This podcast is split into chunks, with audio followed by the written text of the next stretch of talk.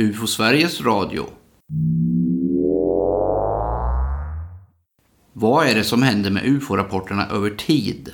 De flesta UFO-rapporter som UFO Sverige får in är ganska lika varandra med sina vittnesmål. Och då känner vi allt som oftast igen vissa mönster och erfarenheten säger oss att förklaringen kanske inte är allt för långt borta. Ibland, för att inte säga sällan, händer det dock att det kommer in mycket mer spännande rapporter. Rapporter som kan innehålla mycket märkliga händelser och upplevelser som verkar alltför bra för att vara ens nära den verklighet som vi tillbringar våra liv i. Det är dessa alla vi ufo-intresserade går och väntar på. Eller kanske en och annan av oss kanske till och med drömmer om att själv få uppleva något i den stilen. Men för det mesta får vi nöja oss med att undersöka dessa rapporter, vilket kan vara intressant och spännande på sitt sätt. Själv brukar jag ju ofta framhäva att resan till förklaringen kan visa sig vara minst lika spännande. Vad menar jag då när jag säger att det händer något med rapporterna? De mer påtagliga och svårförklarade rapporterna.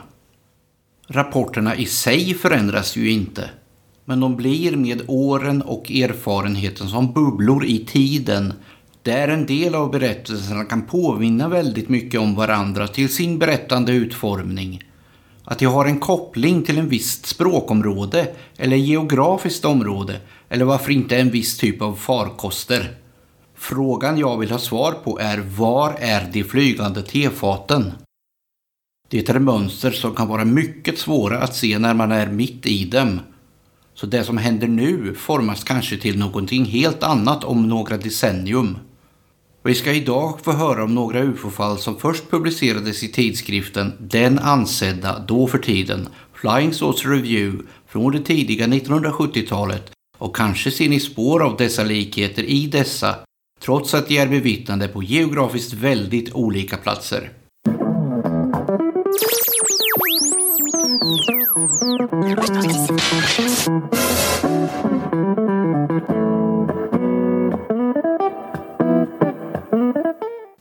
Välkomna ska ni vara till UFO Sveriges Radio. Jag heter Tobias Lindgren och hälsar idag välkommen till en ny röst till UFO Sveriges Radio. Du har ju varit med länge i organisationen, ganska snart 20 år. Tiden flyger. Varmt välkommen Rickard Andersson. Tackar, tackar. Jag vet ju att det var mitt fel att du hamnade i den här föreningen. Det beror ju på att vi har varit kamrater i nästan 40 år, eller hur är det med den saken? Ja, det kan nog stämma. 40 år. Det är snart jubileum. Men din titel i den här föreningen då, den är ju evenemangsansvarig. Ska du säga några välvalda ord om vad det betyder? Det tar hand om till exempel bokningar när vi ska iväg. När vi har typ eh, kurs och så. Då löser jag det med hotell och sånt så allting sånt ska fungera och klaffa. Och du fixar till så att hela allting funkar då med, vad säger man, administrationen kring Ja, precis. evenemang. Ja, exakt. Så mat och sånt funkar. Ja, den biten. Hela konkarongen. Låter alldeles utmärkt det. Men idag är du här av en annan anledning. Du ska få berätta lite om några speciella UFO-fall som vi har plockat fram. Mm, det stämmer. Intressant.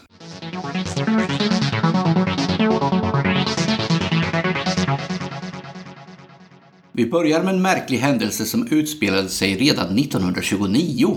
Alltså för nästan 100 år sedan. Långt innan varken ordet tefat eller ufo fanns i det allmänna medvetandet. En dag 1929 var jag ute och lekte med en storebror i fruktträdgården bakom vårt hus. Han hade skadat ett knä och var mest stillasittande. Platsen vi bodde på då heter Hertford och ligger några mil norr om London. Helt plötsligt så hör vi ett ljud.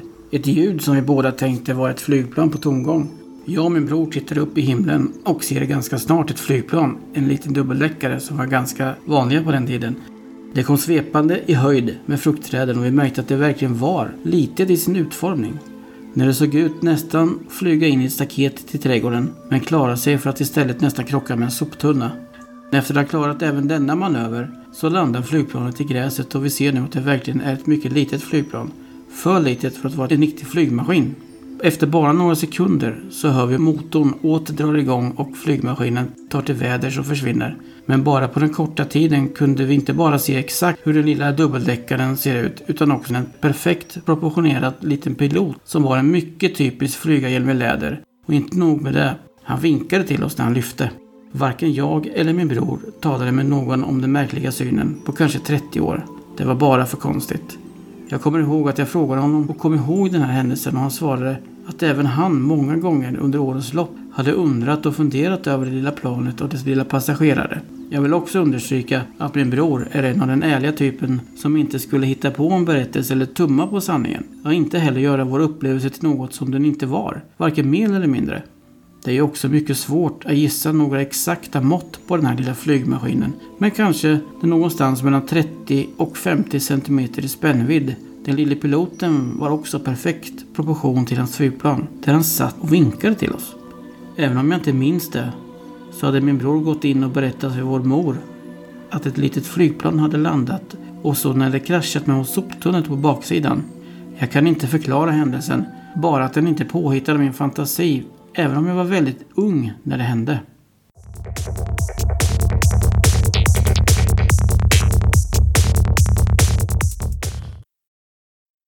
Händelsen som beskrivs här ägde rum i juni 1969. De båda vittnena är av enkel natur och deras redogörelser är så gott de kunde förstå precis vad som hände i deras verklighet. Wendell Meyer och Nancy Jensen är trevliga ungdomar vars livsstil skulle få vissa kalla dem hippies. Eller med ett modernare uttryck, hipsters. Vad nu dessa uttryck egentligen har för betydelse i sammanhanget låter vi vara osagt. Liksom många andra som är engagerade i den här subkulturen så har de också ett intresse för det okulta. Inte speciellt utvecklat, men heller inte nödvändigtvis med tillägget av ämnet UFO. Som ni kommer att höra och förstå så finns likheter mellan den här berättelsen och många andra, men det gör den inte mindre märklig och förtjänar sin plats i detta sammanhang. Vittnena Nancy och Wendell tillsammans med Aaron, Nancys son, startade sin resa en tidig morgon i mitten av juni från Moorhead i Minnesota för att åka på en bilsemester till Kalifornien. Ja, som ni vet så är USA ett stort land och avstånden är därefter. De passerar South Dakota och nationalparken Badlands under natten för att tidigt nästa dag komma fram till den kanske mer kända nationalparken Yellowstone. Wendell säger sig inte minnas någonting härefter förrän han ser ljusen från Salt Lake City i Utah som de passerar söder om någon gång mellan midnatt och klockan ett. Wendell återfick medvetandet som han uttryckte det. Helt plötsligt var det som jag vaknade, berättade han. Jag såg en vit stolpe framför mig men kunde inte vrida på ratten. Så jag plöjde rakt in i den första och körde väl ner en fyra stycken totalt. Vid 150 km i timmen så borde det ha blivit betydligt mer skador än vad det blev. Skadorna på bilen omfattar inget annat än punktering. En trasig stötdämpare, spräckt blinkersglas och en mycket lätt bucklad kofångare där kollisionen med stolparna träffade. Efter att Wendell hade bytt däck så erbjöd sig Nancy att köra. Snart började hon dock känna sig mycket obekväm och fattade misstanke om att de var för fulla.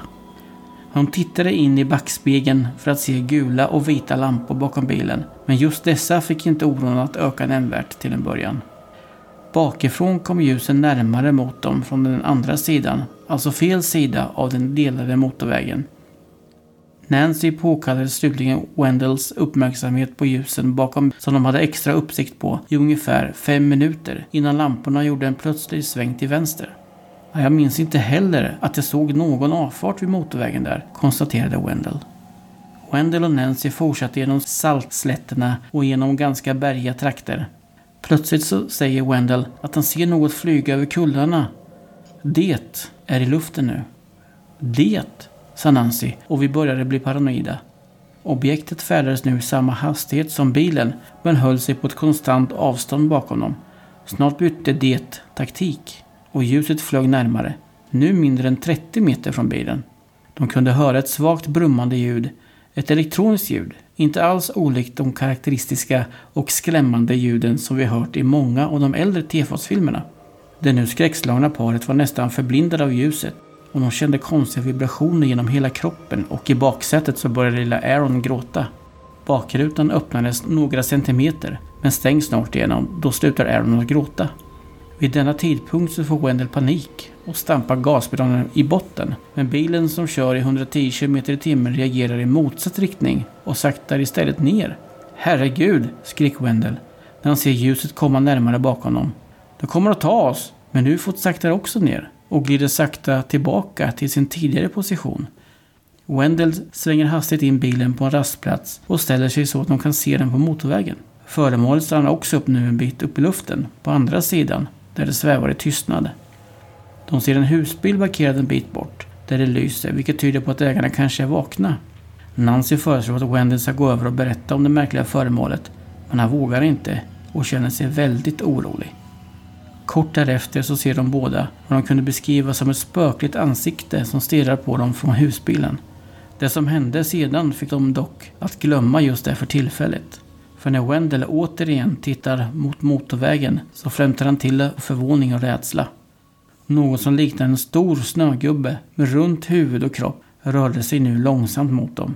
Även om skuggor täckte den vänstra halvan av varelsen så kunde Wendell urskilja runda armar och ben, böjda men utan synliga leder. Wendell skriker åt Nancy att tända bilens strålkastare och när hon gjort det så försvann den märkliga snögubben. Wendell suckar av lättnad och hävdar att det måste varit en motorvägsskylt han såg. Men när lamporna återigen slocknar är snögubben mycket närmare. Konstigt nog såg Nancy ingenting. Hon ger sin egen förklaring. Jag försökte bara behålla mitt förstånd. Jag vet hur ens fantasi kan flyga iväg. Jag kanske inte ville se. De startar bilen, lamporna tänds och de kör iväg. Och när de kommer ifatt annan trafik så placerar de sig mellan två andra bilar. Men måste överge den tanken efter en stund då de måste stanna för att byta förare regelbundet då den som körde ganska snart utvecklade en extrem mental utmattning vilket gjorde det i det närmaste omöjligt att sitta bakom ratten. Det okända föremålet följde paret hack i häl ända tills de närmar sig en liten stad och svänger in på en bensinstation.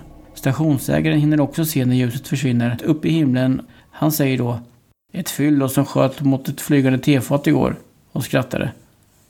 När de kommer ut på landet igen så kommer ljuset tillbaka och börjar förfölja dem. I gryningen så gled föremålet längre och längre bort för att till slut försvinna in i ett moln över toppen på ett berg för att inte ses igen. Wendell och Nancy var nu utmattade och tömda på energi både mentalt och fysiskt. De stannar till och med och somnar vid vägkanten. Två timmar senare, klockan 8.30, återupptar de sin resa. Någon timme senare kör de ifatt en husbil som är förmodligen är samma som de då såg parkerad några timmar tidigare vid rastplatsen.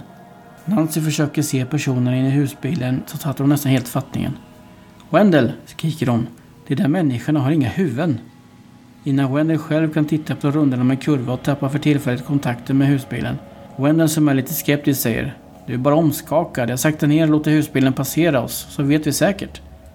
Men husbilen dyker inte upp och inte heller här hade det funnits någon avtagsväg.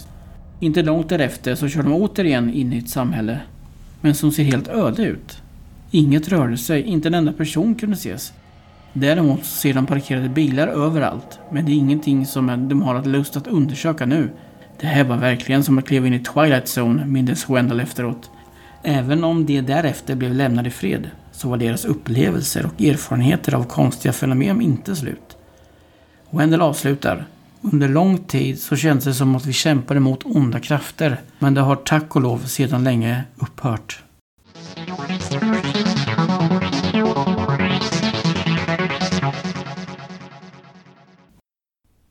Vi ska återigen förflytta oss över Atlanten, nu till vårt närmsta grannland i öster, Finland. Berättelsen ingår i något som skulle kunna betecknas som en språklig bubbla. Något som hände runt 1970 i den finsktalande delen av världen. Vi fortsätter att lyssna på Rickard Andersson. Fredagen den 5 februari 1971 arbetar två unga män från Kinnula Petter Eliranta, 21 och SK Juhani Snäck, 18 år, i skogen i byn Kangaskylla i Kinnula, nära gränsen mellan mellersta Finlands och Vasalän. Vid ungefär klockan tre på eftermiddagen är de på väg att avsluta sitt arbete för den molniga dagen blir långsamt mörkare och mörkare.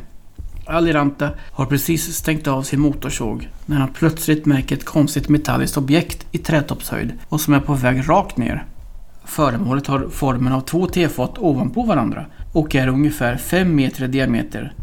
Längst ner på föremålet fanns fyra tunna landningsfötter, mer än två meter långa.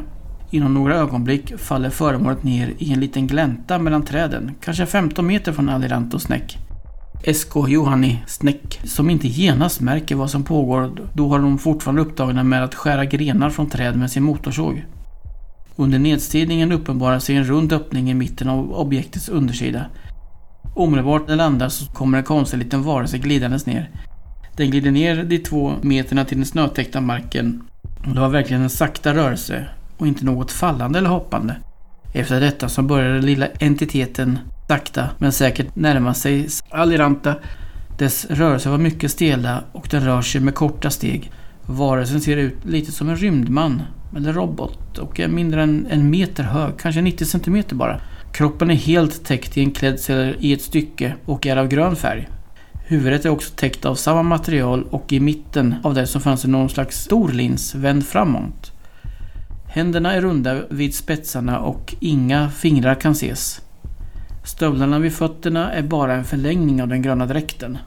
Humanoiden tycks röra sig på ett konstigt sätt ovanpå snöytan. Den gör inga spår i den djupa snön, som man spontant förväntar sig. När entiteten kommer allt närmare drar Adelanta igång sin motorsåg och börjar själv gå mot den konstiga varelsen. Nu blir också SK Snäck medveten om den märkliga synen. Ljudet från den andra motorsågen får honom att vända sig om för att se vad Adelanta håller på med. Den lilla gröna mannen och Adelanta närmar sig varandra. Avståndet mellan dem är nu mindre än 10 meter. Plötsligt så vänder sig den lilla om och börjar istället gå tillbaka mot det tefatsformade föremålet. Detta gör Aliranta modigare och han skyndar sig fram för att fånga den lilla humanoiden. I tefatet ser de nu också andra varelser genom ett fönster på farkostens ovansida. Genom ett fönster på höger sida så syns det tre rörliga former. Människoliknande även om inga detaljer kan urskiljas. När Petter Eliranta är på väg för att få ett grepp om humanoiden ungefär tre meter från tefatet börjar det helt plötsligt stiga upp i luften på ett konstigt sätt och flyter nu sakta mot öppningen upp i trädkronorna och varifrån det kom. Humanoiden hade nu stigit en meter över marken när Eliranta snabbt sträcker sig och får tag i hälen på höger känga med sin högra hand. Han blir dock tvungen att släppa foten direkt eftersom det kändes som ett hett strykjärn. Samtidigt så tar Adiranta automatiskt på steg bakåt så att varelsen ostört kan glida tillbaka in i farkosten. I samma ögonblick som humanoiden kommer in i tefatet så börjar ett svagt surrande, brummande ljud och det börjar långsamt stiga uppåt. Aliranta känner ett svagt vinddrag, men inget rök eller lukt, inte heller något ljus, då de inte kan se några synliga lampor på farkosten. När tefatet stiger uppåt så stängs den runda öppningen undertill Föremålet försvinner rakt upp och är inte längre synligt 15 sekunder senare. Enligt de två som bevittnade detta så varade besöket av denna märkliga farkost i minst tre minuter. Efter att tefatet försvunnit så kunde ingen av de två männen prata då de var som förstummade över hela händelsen. De kände sig stela överallt och hade svårigheter att röra sig. Särskilt Petter Aliranta. Det tog dem nära en timme innan de kunde börja gå hem från skogen men innan de lämnade platsen så kom de redan närmare de spår som fanns kvar i snön. Ett bevis för att detta märkliga faktiskt har hänt. Längst ut på varje landningsben så fanns en rund platta.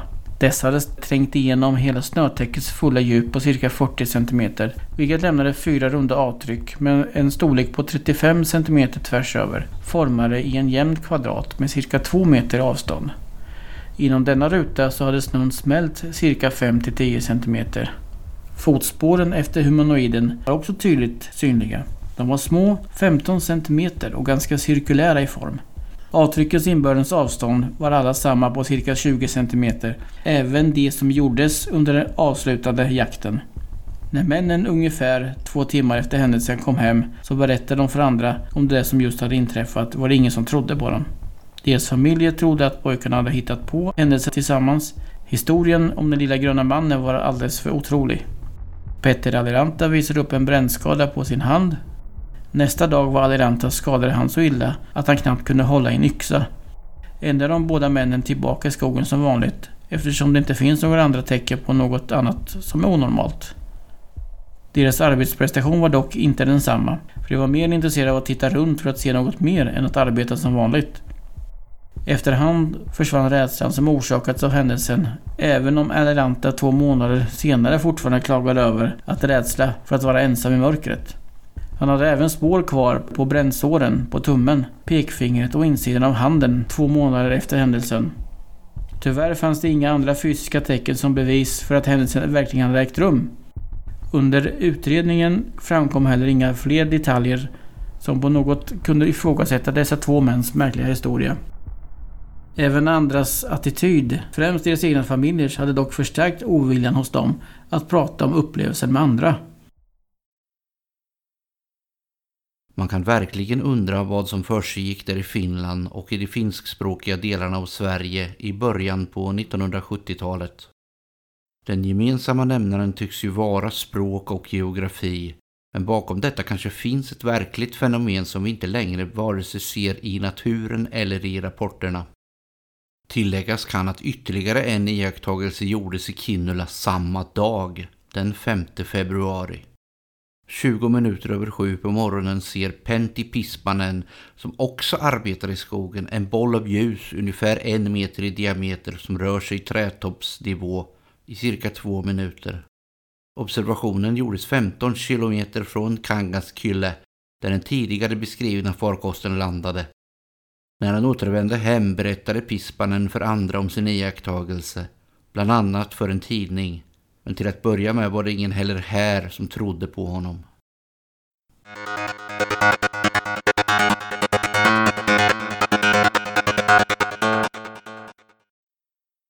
Innan vi avrundar så bjuder vi på ytterligare en märklig berättelse, återigen från andra sidan Atlanten, men nu på betydligt sydligare breddgrader. Närmare bestämt Belo Horizonte, en stad i sydöstra Brasilien. Detta är ett märkligt äventyr som utspelade sig i mitten på maj 1969. Här är relaterat av José Antonio da Silva som hävdar att han plockades upp av ett flygande tefat i närheten av staden Pedro Leopoldo och att han gjorde en resa i rymden i 48 timmar och sedan fick kliva av tefatet vid Colating i Spiro Santo varifrån han tog sig tillbaka till Belo Horizonte med tåg. Hela historien är mycket märklig, men här finns i alla fall två andra personer som tror att soldaten José Antonio i den brasilianska vaktbataljonen talar sanning. José Antonio da Silva fiskar i gryningen i en sjö nära Pedro Leopoldo när han hör ett ljud bakom sig. Han ser sig omkring och synen får hans hjärta att på en gång börja rusa. För vad han nu ser är ett skivformat föremål som sakta sjunker ner mot marken. Det landar nära honom på ett stativ som skjuts ut från farkostens underdel. Ett intensivt blinkande ljus, gulaktigt och rött, blir svagare så att han nu tydligare ser farkostens form. Det är verkligen ett flygande tefat. Ett tefat av det slag som ni alla har sett. En form som liknar två tallrikar, den ena på den andra. En lucka öppnas och en trappa fälls ut. Ut kommer tre små gulaktiga män, håriga, skäggiga med höga kindben. I sina händer bär de vapen eller föremål som liknar när man kan se i science fiction-filmer och som ofta används mot inkräktare från andra världar. Från vapnen skjuts nu ljusstrålar och träffar soldatens ben vilka blir förlamade. De små männen kommer närmare och undersöker honom för ett ögonblick för att sedan placera en hjälm på hans huvud gjord av ett material som påminner om plast. De talar till honom på ett språk som han omöjligen förstår men fattar så mycket att de vill ta honom med på en resa. De leder soldaten in i tefatet som nu verkar klart för start igen. Inuti farkosten finns ett stort rum med en central axel som går från golv till tak. På denna axel finns fyra säten, mycket lika det som finns i ett flygplan. De sätter honom på en av dessa säten och spänner fast honom med säkerhetsbälten. Han hör motorn under sina fötter. Tefatet börjar stiga och när den kommit upp en bit i luften vänder det sig upp och ner, men utan att det känns lustigt eller obehagligt. Motorn börjar nu göra sig mer och mer påmind över hans fötter.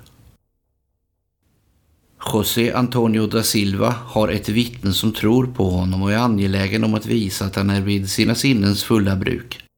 Vittnet är Geraldo López da Silva som arbetar vid järnvägspolisen. Det var också han som hittade José Antonio vandrande längs järnvägsspåret tidigt på lördagsmorgonen. Polismannen lyssnade på José Antonios minst sagt otroliga berättelse om hans resa i rymden. Ombord på ett flygande tefat som flögs av tre små 120 cm långa underliga män. Det skrämde honom, men han trodde på det. En annan som tror att hela historien är sann är Emilio da Silva, assistent till stationsmästaren. Han sa att han verkligen inte är den som tror på allt han hör, men att soldaten José Antonio ändå verkar tala sanning när han nu börjar minnas allt som hände honom när han reste genom rymden i 48 timmar i den konstiga maskinen. Järnvägspolisen gjorde sin inspektionsresa längs linjen där det nyligen varit stölder av elkablar när han såg en ung man stå på ett märkligt sätt bredvid spåren. Han tänkte först att han måste ha hittat en av tjuvarna, särskilt som mannen bar sin överrock i en bunt under armen, som för att dölja stöldgodset. Vakten gick upp till José Antonio som senare förklarade vad han gjorde där. Jag har just återvänt från en resa i rymden, Polismannen trodde inte att José Antonio var galen, men han tog trots allt med honom till stationen för lite uppsikt. När han återigen berättade sin historia fick han en grupp nyfikna lyssnare med sig. På stationen beskrev José Antonio da Silva hur han hade anlänt med tåg från Colatina, där hans rymdresa hade avslutats. De tre männen från tefatet hade lämnat honom där och han hade hoppat på ett gods- och passagerartåg på väg till Belo Horizonte han sa att säkerhetsvakten på Colatina järnvägsstation till och med hade sett tefatet när det kom ner i en ljusstråle för att låta honom återvända till jorden. Och när de små männen var på väg bort hörde soldaten säga denna mening. Vi kommer att återvända om tre år för att leta efter dig igen. Vid det här laget fanns det en stor skara lyssnare runt soldaten som alla ville höra ytterligare detaljer. Men han kunde inte svara dem alla eftersom deras frågor aldrig ville ta slut. José Antonio fortsatte sin berättelse. Han sade att hans resa hade varit i 48 timmar och att han knappt var trött alls. Han hade heller inte känt något onormalt. Vid ett tillfälle sa han passerade tefatet mycket nära en extremt kraftfull ljuskälla. Han visste inte vad detta var men han tror att det kan ha varit solen. Vid något tillfälle under rymdresan landade tefatet, dörren öppnades och det var mycket ljust utanför när han tittade ut. Inuti det flygande tefatet kunde José Antonio se teckningar av djur på väggarna och han blev bjuden på en bitter grönaktig typ av vatten att dricka. Efter det började tefatsbesättningen ställa frågor till honom om hur vissa saker fungerar på jorden. Efter detta återvände tefatet och korsade rymden i hög hastighet. Han landade vid Colatina och gick ombord på ett tåg på Vittoria Minas Gerais järnvägslinje. Under hela tågresan hade han varit ganska chockad och inte känt sig så bra med en stark upplevelse att ryggen och benen sover eller är förlamade.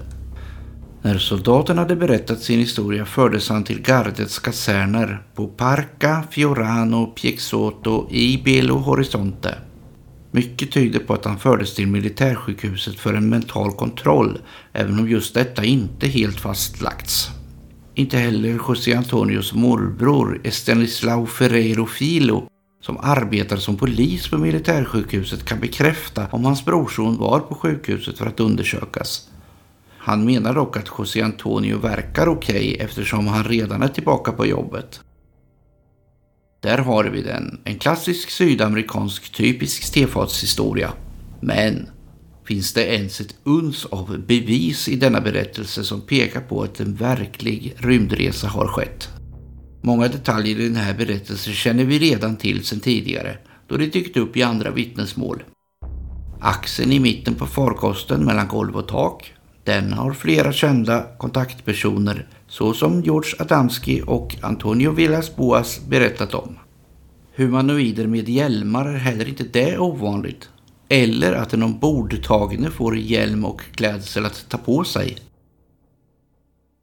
Om vi tittar noga på det här fallet med José Antonio så finns många likheter med andra som också stött på dessa små varelser. Vilket i sig inte behöver tyda på att de kommer från rymden eller att han ens var med om en rymdresa. Genom historien finns berättelser om små varelser som matar oss med idéer och manipulerar folks sinnen. Vi ser också att dessa varelser verkar ha en förkärlek för skoj, skämt och lurendrejerier. Kanske är det så att de även den här gången, som så ofta tidigare, valde en människa av det enklare slaget. Att fulspela sina trick och tuta i sina nonsenshistorier om en rymdresa genom kosmos. Om det verkligen är så undrar man ju hur det går till. Ni som drar paralleller till Antonio Villas-Boas händelse så skedde den på samma breddgrad men i Sao Francisco de Salles i Minas Gerais bara 725 kilometer väster om Pedro Leopoldo och Colatina. Det som dock inte framkommer här är någon berättelse om vackra damer. UFO Sveriges Radio görs av Riksorganisationen UFO Sverige. Gillar ni det vi gör och den här podden? Skriv gärna något uppmuntrande i våra sociala medier. Där kan ni också diskutera och fundera över vart de flygande tefaten tagit vägen. Medverkande har varit Rickard Andersson och Tobias Lindgren som säger tack för att ni lyssnar och på snart återhörande.